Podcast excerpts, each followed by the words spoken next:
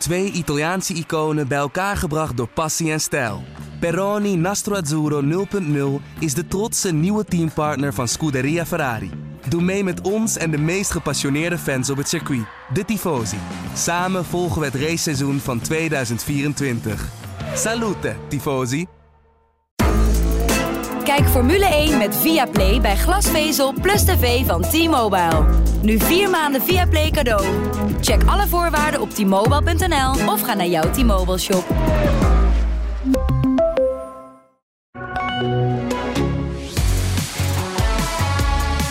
Het Formule 1-circus gaat volgend jaar in 2023 naar Las Vegas. De schade aan de auto van Mick Schumacher was een kleine 1 miljoen dollar. Nou ja, je kan maar wel liggen als Team Haas.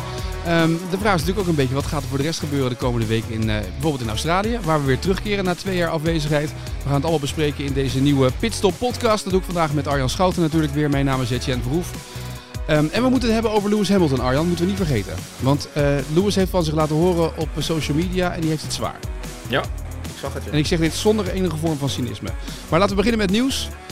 Want uh, het wordt Viva Las Vegas, hè? Ja, ik denk dat jij er nu even een uh, klein Elvis Presley hitje doorheen jast. Juist, juist. Vegas. Viva. En ik wil een heleboel van die gokautomaten en van die rinkelende kassa's horen nu. Dus ik, uh, ja. Wacht even, let op, hier komt hij. Ja, nou, die creativiteit is uh, aangeboord. uh, ja, dit was geen verrassing meer, denk ik. Ook voor jou niet, of wel? Nee, maar waar ik wel verrast over was, dat ze het in de jaren tachtig al een keer geprobeerd hebben. En toen hebben ze op een, op een parkeerplaats bij Caesars Palace dat gedaan. En zei iedereen, ja. dat moeten we nooit meer doen. Nee, nee. Maar daar was ook wel alle reden voor. Hoewel, het is, het, is, het is allemaal van de overlevering. Hè? Het is ver, zelfs voor jouw tijd, denk ik. Ik denk niet dat jij in 81 al uh, Formule 1 keek. Nou, het was ik drie. Nee, nee. De ouders keken dat toen nee, niet. Nee, nou, nee. exact. Ik was min drie. Uh, maar uh, het zat allemaal aan het einde van het seizoen. Dus het was in die zin wel relevant, die race. Het was spannend. Maar ja, wat ze daar neer hadden gelegd, sloeg natuurlijk helemaal nergens om. Een linksom baantje. Het leek, het leek eigenlijk een veredelde kartbaan. En ik geloof dat de wereldkampioen Alan Jones het destijds een, een, een platgegooid geitenpad heeft genoemd. Waardoor alle casinobonzen boos waren op hem. maar dat was natuurlijk niet een heel creatieve layout. Nee. En het is ook niet zo gek dat... Kijk, Formule 1 was destijds echt bezig met een... Uh, ja, hoe zou je het noemen? Een, uh, een soort kruistocht door de, door de Verenigde Staten. Uh, alleen de Verenigde Staten waren eigenlijk nog niet echt klaar voor Formule 1. Mhm. Dat merkte je wel, want ze zaten elke keer ergens anders. Het is echt niet normaal als je gaat kijken waar ze allemaal zijn geweest. Watkins Glen, Austin, Indianapolis, Detroit, Phoenix, Dallas, Sebring, uh, Riverside. Dan vergeet ik er nog een paar, denk ik. Uh, Long Beach nog acht keer. Ja, ze hebben een beetje de hele kaart proberen af te vinken in Amerika. Om te kijken waar kunnen we voet aan de grond krijgen. En het is gewoon elke keer niet gelukt. En Las Vegas, dat klonk destijds ook al als een perfect huwelijk. Hè? Dat was toen ook al enigszins in verval. Wel, in de jaren negentig is dat weer helemaal opgebloeid. Maar dat was toen ook al het gokwalhalla van Amerika. Ja, daar moest je heen als, als, als racecircus. Alleen sport professionele sport in Las Vegas, dat is nooit een heel gelukkig huwelijk gebleken. Nee, maar je ziet het nu ook wel een beetje terugkomen uh, in het merken voetbal. Want je had dan de, de, dat, de Oakland Raiders, die zijn ook naar Las Vegas gegaan uiteindelijk. Las Vegas Raiders heet dat nu. Daar proberen ze ja. het ook. Maar Vegas is natuurlijk de plek waar je naartoe gaat om uiteindelijk te gokken. En daarna ga je weer weg. Er zijn natuurlijk weinig mensen die echt een trotse inwoner zijn van Las Vegas. Ja, ja. En het probleem... Uh met dat gokken is natuurlijk een beetje dat een hoop sporten uh, het gokken juist buiten de deur willen houden. Ja. In die zin is het ook niet heel logisch om daarheen te gaan. Maar ja, dat Formule 1 er weer een keer zou belanden, dat was uh, met Liberty Media wel uit te tekenen natuurlijk. Want ja, zij willen uh, het liefst ook naar New York. Ze willen, de, ze willen eigenlijk westkust, oostkust, midden. Dat hebben ze altijd gezegd. Uh, nou, je kan eigenlijk zeggen dat ze met Texas eigenlijk al een beetje het midden hadden. En met Miami krijgen ze nu de oostkust dan zou je Las Vegas als de westkust kunnen betitelen. Maar dan moet je eigenlijk gewoon naar San Francisco natuurlijk. Dus ja. misschien komt er nog wel een vierde bij op termijn. Je zegt nu eigenlijk in de jaren tachtig waren ze heel erg op zoek naar waar kunnen we het nou droppen. Dat is heel Amerikaans. Ja. Je probeert het ergens, je probeert het twee, drie keer. En als het dan niet werkt, ga je de volgende plek uitzoeken, ga je het daar naartoe doen. Dat was natuurlijk met ja. voetbal precies hetzelfde. Zo op die manier hebben ze voetbal ook opgezet in de jaren 70 en 80 om het populair te maken. Um, maar het is dan toch het Netflix-effect, waardoor het dus nu ineens wel populair lijkt te zijn, toch? Ja, ja, je merkt wel echt een verschil. Ook gewoon met, met vier, vier, vijf jaar geleden. Ik weet nog dat ik in 2018 Austin deed. En ik vond het prima om daar lekker naartoe te gaan. Het was een leuke Grand Prix, maar het was helemaal niet druk. En uh, ik kan me herinneren dat volgens mij uh, was Britney Spears destijds headliner. Echt waar? En ja, ze hebben altijd grote artiesten gehad. Eh, alleen het gekke was, eh, s ochtends eh, reed je in alle rust naar dat circuit toe.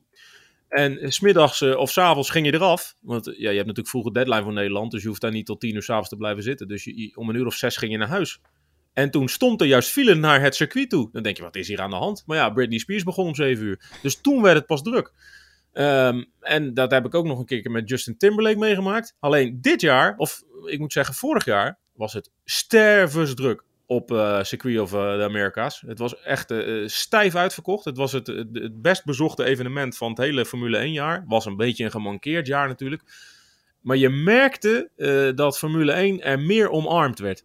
Vanaf s ochtends vroeg zat het al bommetje, bommetje vol. En ja, dat is toch het Netflix-effect, denk ik. Nou ja, daar, in, da- daarover doorpratend. Want ik bedoel, de, de ratings van eh, Drive to Survive zijn het vierde seizoen zijn heel laag. Hè? Als je dat nu Ja. ziet, zeg maar, dat was de eerste jaren was dat boven de 80%. Nu is het 17% of zo, hè, de Rotten Tomatoes.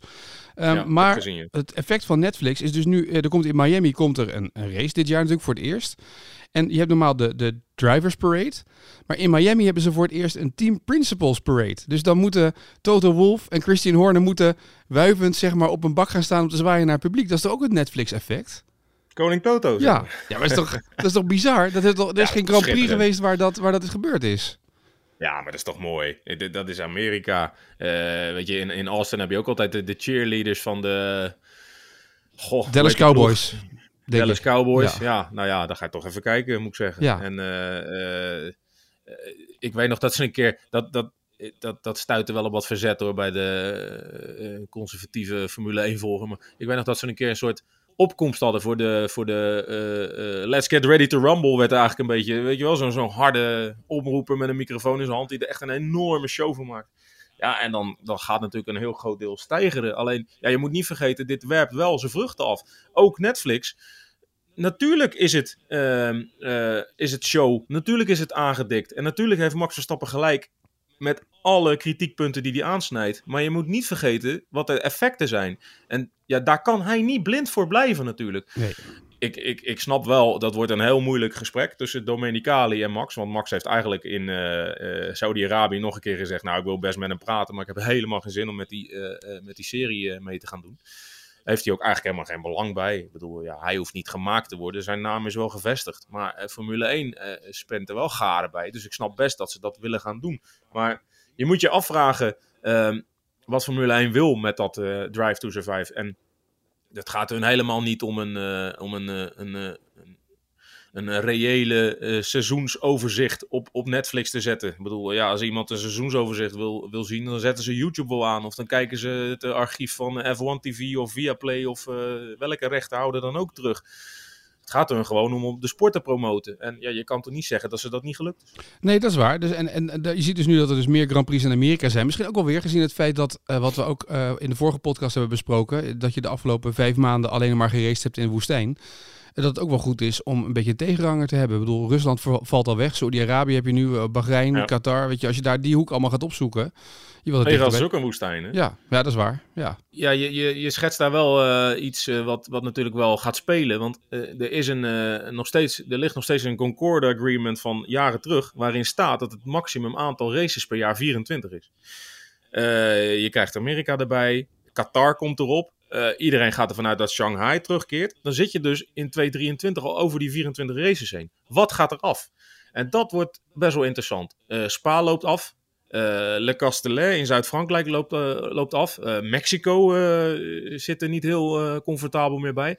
En je gaat natuurlijk op een gegeven moment een punt krijgen waar de, de conservatieve liefhebber gaat merken dat oude historische circuits, ehm, eh, waar het mooi race is, maar waar gewoon geen cent te mak is, eh, dat die eraf gaan steeds meer. En dat je de tendens krijgt dat je echt van die, eh, die destination races, zoals Liberty Media graag zegt, dus de Singapore en de, de Las Vegas en de, de, de, de, de Qatar en Abu Dhabi's. Dat, je, dat, je, dat daar de kalender steeds meer mee gevuld gaat raken. En dat gaat ongetwijfeld een paar keer ten koste van oude pareltjes, zoals misschien wel een spa. Ja. Ja, ja, dit is een ontwikkeling eh, waar je heel erg veel eh, eh, tegen kan zeggen. Eh, maar ik vraag me af of dat je hem tegen kan houden. Ja, uiteindelijk gaat het om geld natuurlijk. Dat is het belangrijkste. Waar kunnen ze geld verdienen? En Las Vegas betaalt denk ik geld. Wat vind jij van het feit dat je dan... Miami is een stratencircuit, Las Vegas is een stratencircuit. Eh moet er nou geraced worden op een stratencircuit? Hoe zit die balans? Wat, wat vind je? Baku is een stratencircuit. Ja, bij, de ene, bij het ene stratencircuit is het natuurlijk meer geslaagd dan het andere. Kijk, Monaco vind ik een belachelijk rondje. Daar hebben die auto's helemaal niks te zoeken. Maar ja, ga je die eraf halen? Nee. Bedoel, Nee. ja, dat eh, is ook een, de parel, zeg maar. Eh, Baku vind ik juist wel weer een heel mooi stratencircuit. Dat, dat is daar best wel goed geslaagd eigenlijk. Eh, alleen dat, dat achterlijke nauwe bochtje langs dat oude gebouw... wat er al 3000 jaar staat, is, is een beetje belachelijk. Maar ja, bijvoorbeeld dat hele lange rechte stuk... en dat je dan vol op de remmen moet en dan links... weet je wel, waar Hamilton door Ja, wou ik zeggen. Moet je tegen Lewis zeggen waar die naartoe moet. Hè? Want Lewis ging Ja. rechtdoor daar, ja. En waar eh, Ricciardo en Max een keer op elkaar klapten. Ja, de- de- weet je, zo'n sector heeft zich dus eh, in die paar jaar dat Baku op de kalender staat best wel bewezen. Dus een stratencircuit eh, kan best wel wat moois hebben. Alleen dat is wel echt per, per circuit en per race en per auto afhankelijk. Met al die nieuwe auto's moeten we nog maar gaan zien wat het wordt. Bijvoorbeeld eh, Australië, daar gaan we het straks ook over hebben. Is natuurlijk ook een semi-stratencircuit in Albert Park. Die Ja. hebben nu wat, wat dingen aangepast. Maar ja, het, het een werkt het beter dan het ander. Maar ja, volgens mij hoef je echt aan niemand uit te leggen eh, dat Las Vegas wel een verrijking voor de kalender is. 324 km per uur las ik ongeveer eh, op, de, op het toppunt dat je kan rijden. 42, toch? Oh, 342, sorry, ja. Nou, dat is Ja. bizar, toch? Ja, maar ja, als jij er een, eh, een rechtstuk van, eh, hoe lang is het? Twee kilometer, denk ik? Ja, de strip heb je wel natuurlijk wel. Dat is natuurlijk wel iconisch. Als je dat s'avonds rijdt en je ziet die lichten van die strip voorbij komen, is natuurlijk goud. Ja, maar het is heel simpel. Er moet gewoon een lang rechtstuk in waar niet te veel gebeurt. Ja. Zodat je dan even een mooi helikoptershot kan geven van de Bellagio en de strip. En die globe die er staat. En die mini Eiffeltoren. En Caesars Palace. En Hotel Paris. En ja, ik ben er nog nooit geweest. Maar zelfs ik weet hoe al die gebouwen heten. Nou, dat zegt, dat zegt genoeg. Hè. Het Ja. is echt een iconische stad. En het is volkomen logisch dat Formule 1 daarheen gaat. En ik snap dat iedereen er wat tegen kan hebben. Maar als je nou wat wil, wil hebben te zeiken, zeik dan lekker op Saudi-Arabië. Niet op Vegas. Oké, nou dat gezegd hebbende, ehm, laten we het even hebben over eh, Lewis Hamilton. Eh, de man die zeven keer wereldkampioen is geworden. Die heeft het zwaar tot nu toe in dit seizoen. Twee races al, eh, eh, nou ja, dat hij het niet heel makkelijk heeft. Heeft ook op Instagram nu een, verhaal neergezet dat het in sommige dagen heel moeilijk is om positief te blijven, schrijft hij op Instagram. Ehm, het is een zwaar jaar geweest met alles wat om ons heen is gebeurd. Eh, lange tijd mentaal en eh, emotioneel heeft het, is het zwaar geweest. En het kost hem veel kracht en moeite om door te blijven gaan. Maar we moeten blijven vechten. Maar Lewis heeft het zwaar. Ja, ik heb het ook wel zwaar. Ja, dat snap ik. Ja, maar wat moet ik hier nou eigenlijk mee, Etienne? Eigenlijk zegt hij nu, ik ben influencer, ik weet dat ik heel veel volgers heb. En hij wil eigenlijk zeggen dat het niet altijd, op social media zeg je vaak, het gaat heel goed met me. Eh, hij wil eigenlijk hier zeggen, het gaat even niet goed met me. En dat is ook de andere kant, toch? Ik bedoel, dat het goed is om dat te zeggen. Nou, als dat, als dat de gedachte erachter is, vind ik dat, eh, vind ik dat heel fijn. Ehm, want ik erger me wel eens enorm aan, eh, aan sporters die, eh, die altijd maar willen doen, eh, geloven of de wereld wijs doen maken dat ze en geen spanning voelen en extreem zelfverzekerd zijn en nooit bang zijn of, of gespannen zijn voor, voor een meetmoment. Daar geloof ik helemaal geen, geen reet van. Nee. Weet je, een Max Verstappen moet tijdens een, een Grand Prix in Zandvoort ook meer voelen dan, dan anders. Het is ook niet zo gek dat hij helemaal uit de wind werd gehouden door de media bijvoorbeeld daar, of door zijn mediateam. Ja. Maar zo'n uitspraak zou ik dus niet zo heel snel uit de mond van Max Verstappen verwachten. Ik denk dat dat nooit gaat gebeuren. Nee, nee, maar dat is ook het type persoon. Kijk, Max is misschien meer degene die, die wat introverter is in dat soort zaken. En die weet heel goed afgemeten wat hij wel of niet moet zeggen. Maar Lewis Ja, Hamilton... nee, hij, stelt zich heel, hij stelt zich heel kwetsbaar op natuurlijk, Lewis. Alleen ja, eh, Het is wel een beetje van deze tijd, hè? Steeds meer profvoetballers doen het, steeds meer proftennissers doen het ook, hè? Die zeggen gewoon letterlijk, kijk eens wat de druk die op ons afkomt. Ja, nee, Toto Wolff heeft het laatst ook gedaan. En, Ja. eh, Die is ook naar de psycholoog, toch? Die, die gaat al jaren naar de psycholoog, vertelde hij. Ja. Nou, we kennen allemaal de voorbeelden. Naomi Osaka heeft het gedaan. eh, eh, de, de, de turnster, de bekende turnster op de Spelen natuurlijk nog eh, in Amerika Simone een Biles. enorme zaak. Ja. ja, dus in die zin is er misschien ook... Ik vind dat moeilijk inschatten hoor, maar voelt, voelt een Hamilton ook misschien meer ruimte voor zo'n, voor zo'n statement? Eh, Dat hij denkt, eh, het wordt anders ontvangen. Ja, het is alleen maar goed om te doen, om te, dat hij voelt dat het kan. Alleen, ik vraag me wel een beetje af... eh, Jij twijfelt Ja, of dit gespeeld is of dit echt is. Dat is, merk ik een beetje aan je, of niet? Dat hij dit, jij hebt het idee dat hij dit meer voor de bühne zegt? Moet ik het zo vertalen? Ja, weet je, hij heeft de, de, denk de afgelopen tien jaar de beste auto van het veld gehad. maar dan zal hij af en toe ook wel een moeilijk moment hebben gehad. En toen hoorde je hem niet. En nu zit hij in een, in, een, in een trapauto die ergens tussen de Renaults en de Alfa Tauris rijdt. En dan is het opeens allemaal zo zwaar. Ik vind het ook een soort van... Ik, ik, ik vind het heel goed dat hij doet, maar ergens... Weet je, in de race zei hij bijvoorbeeld ook... nou, toen werd hij tiende.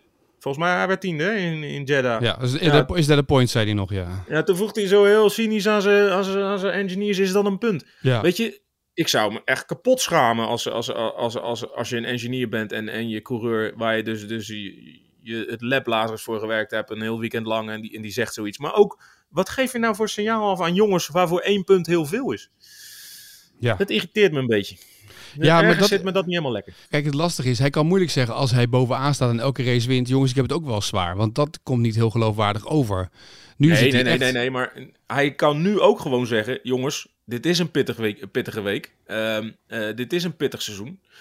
Maar we gaan ervoor. Ik heb kracht. Uh, weet je, een, een, een opbeurende boodschap naar zijn fans ja, toe. dat Maar zegt hij ook niet- uiteindelijk. Hij zegt ook, ik schrijf dit ook om te zeggen dat het oké is om te voelen zoals je je voelt. Weet gewoon dat je niet alleen bent en dat we ons er doorheen gaan slaan. Ik stuur je allemaal positiviteit en liefde. Dus zo sluit hij ook wel af, hè? Ja, ja. Ja, maar we- weet je wat het met Hamilton een beetje is? Eh, Hij heeft de afgelopen eh, jaren zoveel eh, geroepen waar je je vraagtekens bij kon zetten, dat je, dat, je, dat je alle boodschappen uit zijn mond ook een beetje met een, met een dubbel gevoel eh, beluistert. Jij hebt dit te Ja. vaak met Rick Spekerbrink besproken, merk ik al. Nou ja, Rick, Rick ja, zou dit helemaal niet geloven. Rick zou nu ongeveer tegen het plafond zitten. Ja, kijk, wij, wij leveren nu nog een beetje nuance. Als je Rick nu in de podcast had gehad, die was gaan stijgen. ja, dat denk die, ik ook, die, ja. die, die walgt en die kotst als hij dit soort berichten ziet. En ik snap het ook wel, want dat is ook wel ergens een beetje wat hij oproept. Ik, dit, hartstikke goed dat hij dit durft te doen en dat hij dit doet, maar je stapt dan niet in. Als het allemaal Ja, zo zwaar is. Maar ik- dat vind ik ook wel weer makkelijk. Dit is, dit is, dit is dus de eeuwige discussie. Want ja, weet je, natuurlijk, hij, hij kiest hiervoor en hij krijgt hiervoor betaald en dat soort dingen. Maar ik bedoel, ja, het mag er ook zijn. Dat is toch ook de andere kant. Ja, nee, maar hallo. eh, dit is een, het is nou niet... eh, Ik snap niet dat, je zo, dat, dat mensen zo, zo cynisch over kunnen doen. Het is zo makkelijk om het, om het af te zeiken, weet je. Het kan ook gewoon zijn dat iemand zich zo voelt en laat hem ook dat dan zijn en zeggen, toch? Jawel, ik wil er ook niet cynisch over doen, maar het is meer... Die, die gast heeft jarenlang de beste auto van het veld gehad. Ja? Hè? Koester dat dan. En ja, ehm, ja ik, ik vind het heel moeilijk om nu al te concluderen van je tijd is voorbij. Maar we kunnen toch wel zeggen dat hij, als, als dit nog één of twee races zo doorgaat, gaat hij natuurlijk niet meer voor de wereldtitel meedoen. Nee, maar dat, hebben we toch al, dat, dat zegt iedereen toch al? Dat is toch al duidelijk? Ik bedoel, dit is niet meer op tijd hersteld. Dus hij gaat zo Nou, meteen... maar, maar, maar stel nou eens dat dat zo is, Etienne. Ja. Eh, Laten we dan eens even doorfilosoferen. Hoe lang houdt hij dit dan vol? Nee, ja, dan is de grote vraag, maakt hij het seizoen uit? Dat is, dat is een vraag, want hij heeft geen zin om achter in, in, het middenveld mee te rijden. Het is geen Bottas die dat akkoord leuk vindt om te doen, toch? Nou ja, ergens zie ik hem. Stel nou eens dat die auto eh, helemaal niet op stoom komt. En dat hij het hele seizoen lang voor eh, één puntje Ja. is, de, is that one point vecht. En dat hij dat na elke race moet zeggen. Want die man die vergeet natuurlijk binnen vijf dagen weer dat je een punt krijgt voor die tiende plek. Dat heeft hij ook wel laten zien de afgelopen jaar. Ehm, ik vraag me af hoe lang hij dan gemotiveerd blijft.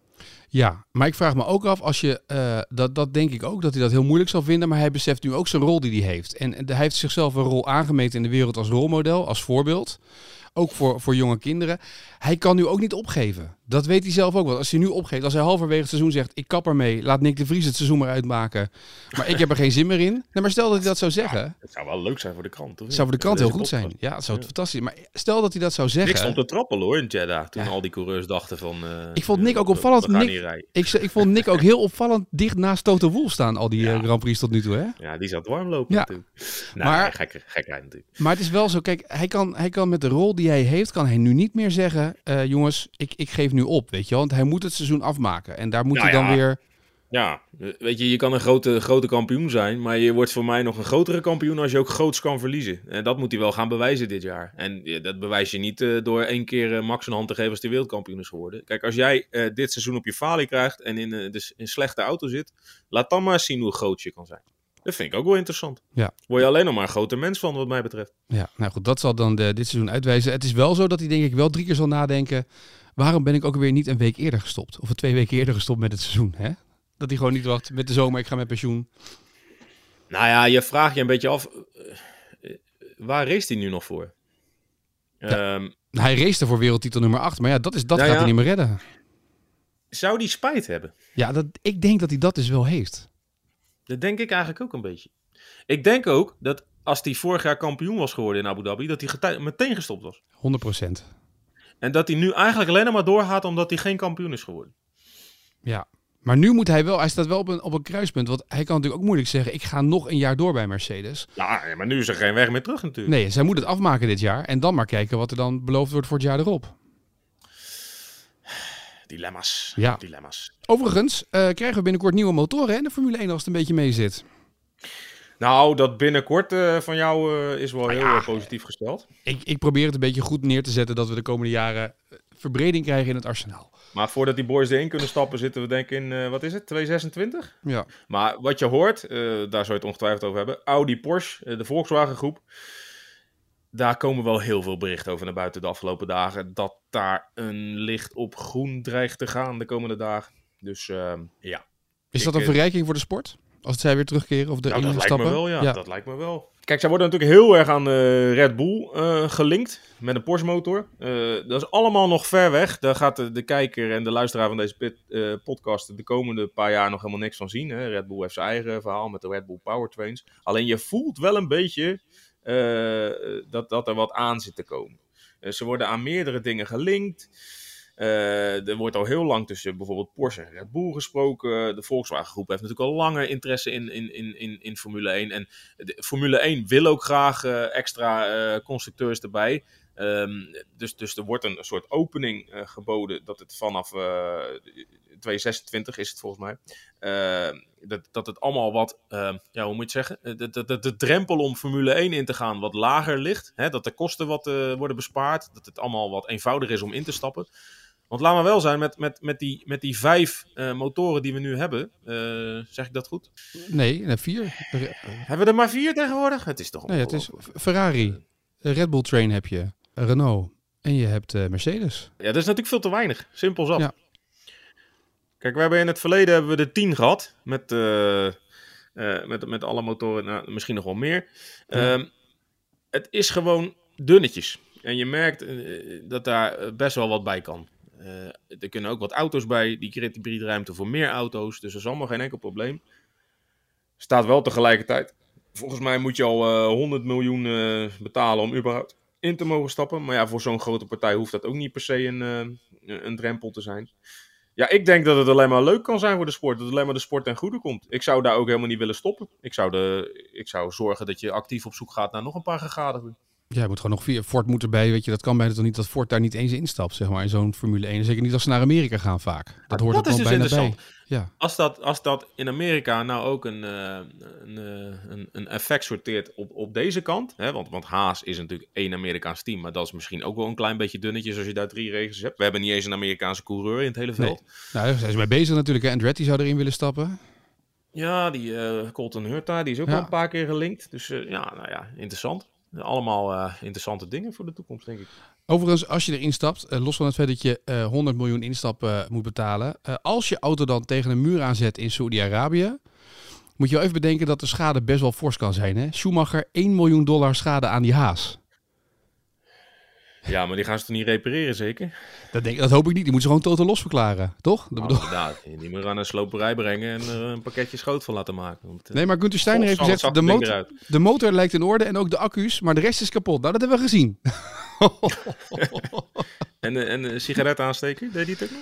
De- ja, Gunther zou, ja, precies. Maar ik, ik zou eigenlijk wel willen horen hoe Gunther op, die, eh, op zo'n bots, op, dat- op dat vlak heeft ge- eh, gereageerd, zeg maar. Zou die daar, denk je, rustig op gereageerd hebben of niet? Ik denk dat wij alleen een piep horen in Drive to Survive. Dus ik, ik weet het eigenlijk niet. Nee, 1 miljoen. Hey, ehm, we gaan eh, richting het einde van deze podcast, maar niet voordat we Melbourne hebben besproken, want we keren weer terug in Australië. Melbourne. Ehm, twee jaar geleden ehm, was dat jouw beroemde vlucht. Tenminste, jij ging daar eh, naartoe. Mijn mooiste trip ooit. Ja. Ja, het waren, het waren twee fantastische dagen. ja. Eh, Ik heb even de foto's erbij gepakt om even goed terug te kunnen denken. Het, Zal ik je eens meenemen in dat Ja. weekend? Ja, is goed. Ja. Ja, want eh, ja, we hebben het over eh, begin maart 2020. Ik eh, pak even mijn fotorolletje erbij. Dat is een soort van mijn, mijn virtuele geheugen, zeg maar. Want ik vergeet natuurlijk alles met al die reisjes die ik maak. Het is ongelooflijk. Ja. Het begon al, 9 maart. Ik stap dus in een vliegtuig op Abu Dhabi, volgens mij. een, een Emirates vlucht naar Melbourne. En naast wie zit ik? Naast een Ferrari monteur. Dus moet ik twaalf uur lang naast een Ferrari monteur zitten. En je weet, corona was in Italië destijds al echt een dingetje. Ja. Dus ik stuur die foto. Ik weet nog dat ik hem op Twitter stuur. Uh, kijk naast wie ik zit. En Jos Verstappen stuurt gelijk. Nou, blijf dan maar uit de buurt van Max. nou, dus de toon was gezet. uh, we kwamen in Melbourne aan. Er was geen wc-rol meer te krijgen. Dat hamsteren wat wij in februari al deden, was in Melbourne begonnen. Maar ja, we, we wisten. We, je weet ook nog, die periode, je kon niet heel goed inschatten. Wat is er nou aan de hand in de wereld? Hoe groot is dit? Waar gaat dit naartoe? Dus ik weet nog dat wij met een groep Nederlandse journalisten naar St. Kilda gingen. En in zo'n beachbar zaten op, uh, op de woensdag. Uh, allemaal zo gaaf van die vlucht. En wat doet deze jongen, deze simpele Rotterdammer? Die bestelt een flesje corona en die maakt een foto en die stuurt hem, die zet hem op Insta. En zo flauw. Ja, Oude influencer ben je ook, hè? Oude ja, influencer je, ben je, je, ook, je wist nog niet echt waar het naartoe ging, dus ik dacht het kon wel. Maar de volgende dag sla ik de Herald Sun open. En daar staat dus een gigantische foto van een enorme rij voor het ziekenhuis. Frontline, 1000 Q, uh, Virus Angst Grows, Extreme Bands Inevitable. En toen begon je al een beetje te denken, kan die race eigenlijk wel doorgaan? Er, er was al een uh, enorme discussie gaande daar, want het Australian voetbalseizoen zou ook beginnen. De, de, de, captains hadden toen een oproep in de krant van we gaan wel doorspelen, maar fans, blijf loyaal, kijk televisie, de stadions blijven leeg. Dus toen dacht je al, ja maar als die stadions leeg blijven, hoe kan je dan een, een Grand Prix in, in een afgeladen Albert Park gaan organiseren? Um, toen was er een mediadag. Ik weet nog, Robbie Williams was in het paddock, die zanger. Uh, nou, van mondkapjes had nog nooit iemand gehoord. Ik had nog een verhaal met Olaf gemaakt over uh, dat hij gorgelt met cola als hij zijn stem kwijt is tijdens een... Nou ja, dat, dat soort dingetjes. Het ging nog niet echt over corona. Maar um, je merkte een beetje aan de mediateams van de, van de, van de teams dat, dat er wel enige voorzichtigheid was. Opeens, nooit gezien in de paddock, opeens waren er van die afstandslijntjes rondom de tafel waar Max aan ging zitten.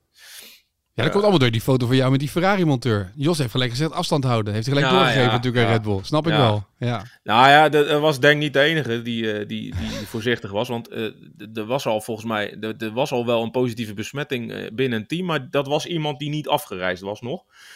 Eh, maar er was, dus, er was dus wat meer afstand.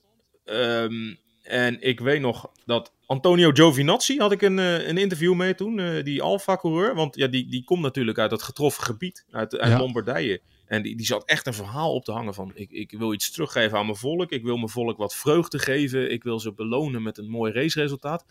En ik luisterde ernaar en toen dacht ik echt... Is, oké, Wat is hier aan de hand? Volgens Ja. mij onderschat ik deze ram nog een beetje. Ja. En toen had je die een geweldige persconferentie waar vijf coureurs naast elkaar op een, eh, op een driezitsbank zaten, bijna op elkaars knie. En dat eigenlijk de enige die daar wat van zei, Lewis Hamilton was. Die zei, wat doen we hier nog? De NBA is stilgelegd. eh, overal ter wereld gaan de grenzen dicht. En Formule 1 gaat aan de andere kant van de wereld eh, racen. En toen vroeg iemand, weet je hier, wa- wat zou hier de uitleg voor zijn? En toen zei hij alleen maar, cash is king. Nou, dat is een soort tegeltje wat wel duizend keer terug is gekomen in de tussentijd. Toen werd het zaterdagavond. Wij gingen, of eh, eh, donderdagavond. Wij gingen voetballen met media. En toen kwam er rond half elf s'avonds kwam er een persbericht van McLaren dat er monteurs eh, positief waren. Bij McLaren twee en volgens mij bij Williams nog één, als ik het uit mijn hoofd. En toen dacht je wel, dit wordt een lange nacht. Er was een, een, een coureurs- of een teambazenvergadering met, met bonzen van de, van de Formule 1. De hele nacht door. Kwam nog geen witte rook of zwarte rook, wat je ook wilde hebben. En toen werd het vrijdagochtend.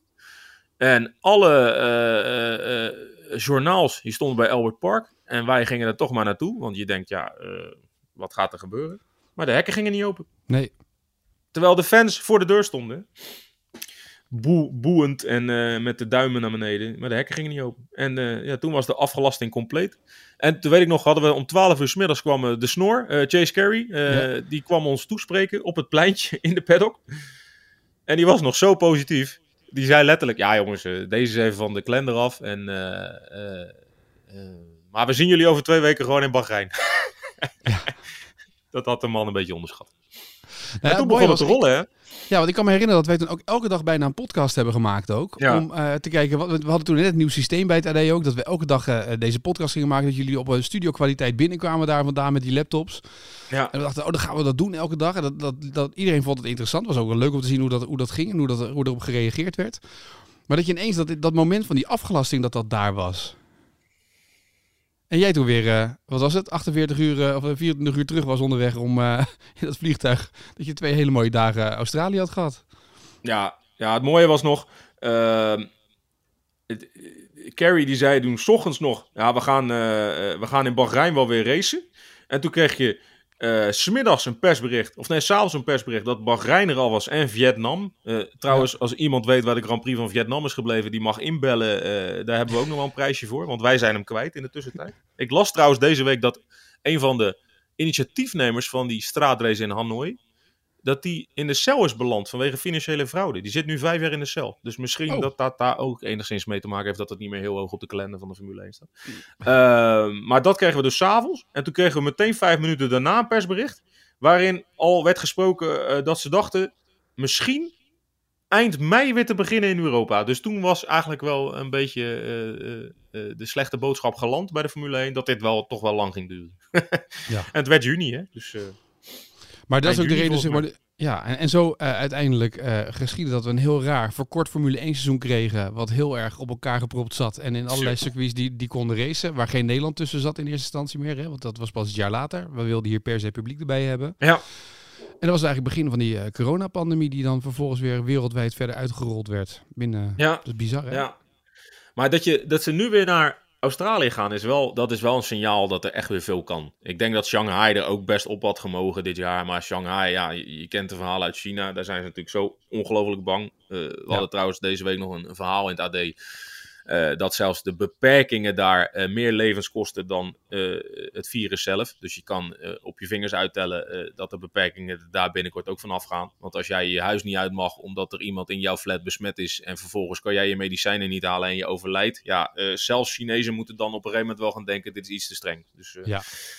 daar gaan we natuurlijk volgend jaar ook gewoon weer naartoe. Maar Tuurlijk.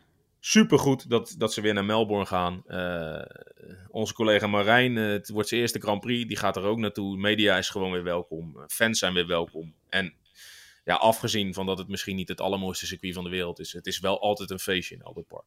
Dat is waar. Nou goed, we gaan komende week in Pitstop TV nog even vooruitblikken op die Grand Prix in Australië. Eh moeten we weer gaan gokken wie we vooraan gaan zetten. Hè? Ja, maar dit is het een en ander aangepast hè, aan, die, aan, Ja. aan dat circuit daar. Het, eh, vanwege de, de nieuwe auto's. Eh, de bocht 9 en 10 eh, die zijn wat aangepast. En er zijn wat auto's, wat, wat bochten wat wijder gemaakt. Zodat je er wat meer met een flow en meer snelheid doorheen kan gaan. En ze, in Melbourne verwachten ze er heel veel van. Dus ik ben benieuwd. Ik ook. Nou ja, dan gaan we dat komende week laten zien. Ook bespreken in de Pitstop TV versie. Kan je het ook zien hoe het er ongeveer uitziet. En dan Ja. volgende week een nieuwe Pitstop podcast na die race in Australië. Arjan, Ja, met Marijn hè. met Vuur Marijn. erop denk ik. Dus, eh, ben benieuwd. Ja, Het gaat goed ben- komen. benieuwd wat hij ervan vindt. Ja. Heel goed. Nou, eh, wij spreken elkaar eh, sowieso deze week voor tv en eh, later ook weer. Dankjewel voor nu. Alright.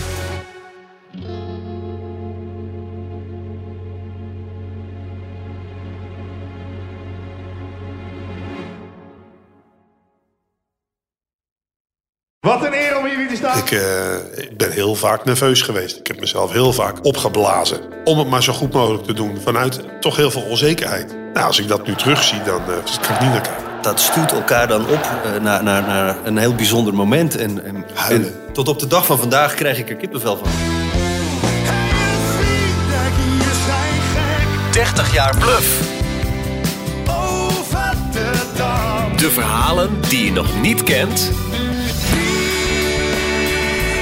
Aan de hand van 10 songs. En de Dit is de podcast horizon. 30 jaar bluff. Waaraan we verdwijnen. Met Peter, Bas, Norman en Pascal. Nu in elke podcast-app. Twee Italiaanse iconen bij elkaar gebracht door passie en stijl. Peroni Nastro Azzurro 0.0 is de trotse nieuwe teampartner van Scuderia Ferrari. Doe mee met ons en de meest gepassioneerde fans op het circuit, de Tifosi. Samen volgen we het raceseizoen van 2024. Salute, Tifosi!